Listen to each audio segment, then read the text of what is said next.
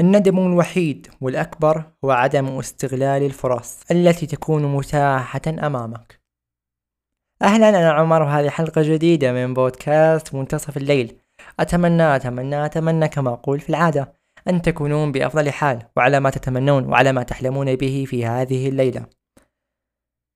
هل سبق لكم أن شعرتم بأنها بأن ضجيج العالم قد سكب في ذهنكم وكأن الحل الوحيد هو أمر بسيط وهو أخذ نفس واحد فقط لإزالة كل هذا الضجيج من ذهنكم ولكن لا تريدون ذلك؟ هل سبق أن سألتم نفسكم لماذا؟ الفرص هي عبارة عن قرارات توضع أمامنا لكي نرى ماذا سو... لكي ترى ماذا سوف نفعل بها هل سوف نمسك بها أو هل سوف نتجاهلها ذاهبين بعيدا عنها ولا نعود أبدا. مثل مقعد على رصيف تجلس عليه وإذا بك ترى جميع أنواع الناس الصغير والكبير الذكر والأنثى وجميع أنواع الضجيج الصادر منهم وكان الحل الوحيد هو اتخاذ القرار باستغلال فرصة ركوب الباص المتجه إليك. وفعلا تركب وترى بأن هذا القرار وجد لراحتك ولسعادتك ولصفاء ذهنك. ليس كل القرارات جيد وليس كل القرارات سيء فهناك الجيد كنوايا بعض الناس وهناك السيء كنوايا بعض الناس. كمثال سابق وهو الباص الذي كان متجها إليك. تركب به فتقول سوف أتخلص من ضجيج الأشخاص حولي ولكن إذا بك تركب ويأخذك إلى مكان وطريق ليس بطريقك. وإذا بك تجد نفسك في محطة لم ترغب بها ولم تريدها ولم تتوقع بأنك سوف تذهب إليها. وإذا بك ترى بأن إزعاج الناس في ذيك في تلك المحطة هو أكثر وأصخب من المحطة الأولى. هكذا هي الفرص. فرص جيدة وفرص سيئة.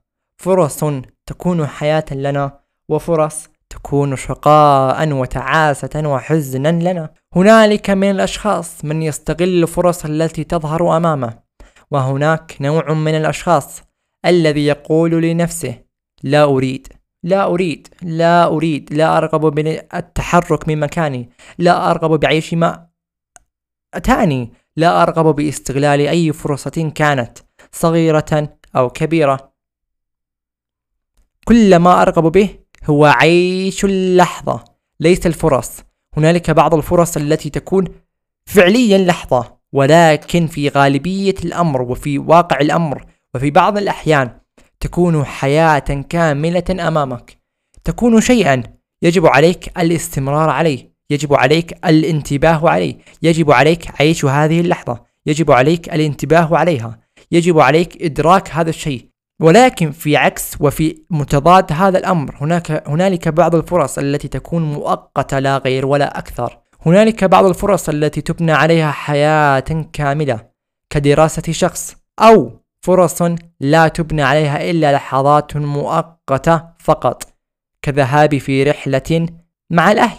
لا أعلم إن كانت رحلة الأهل لحظة مؤقتة أو لحظة تبنى عليها تبنى عليها حياة ولكن في حقيقة الشعور وفيما عشت بأنها لحظة مؤقتة تكون ليلة أو تكون يوما أو يكون شهرا أو يكون أسبوعا ولكن لا يبنى عليها حياة كاملة أبدا. وكالعكس تماما في اختيار الجامعة واختيار التخصص أو الاختبار من الممكن أن تكون هناك فرصة خلاص بأن بأن أجلب درجة عالية في اختباري أو أن أجلب شيئا أفخر به اليوم وغد وكل يوم.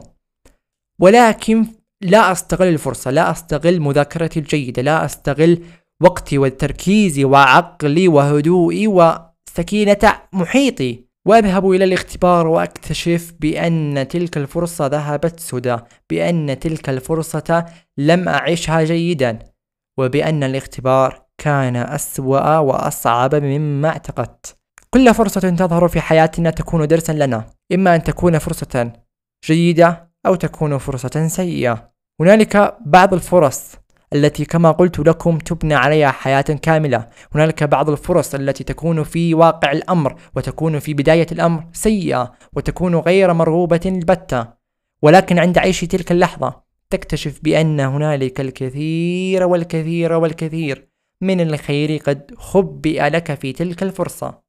استغل كل صغيرة وكبيرة لكي لا تعيش عمرا محملا بالكثير من الندم المهلك.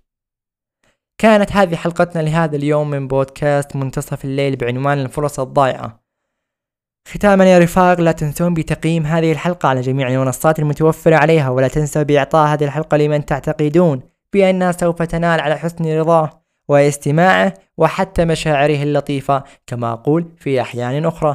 شكرا لكم وأراكم بإذن الله عما قريب.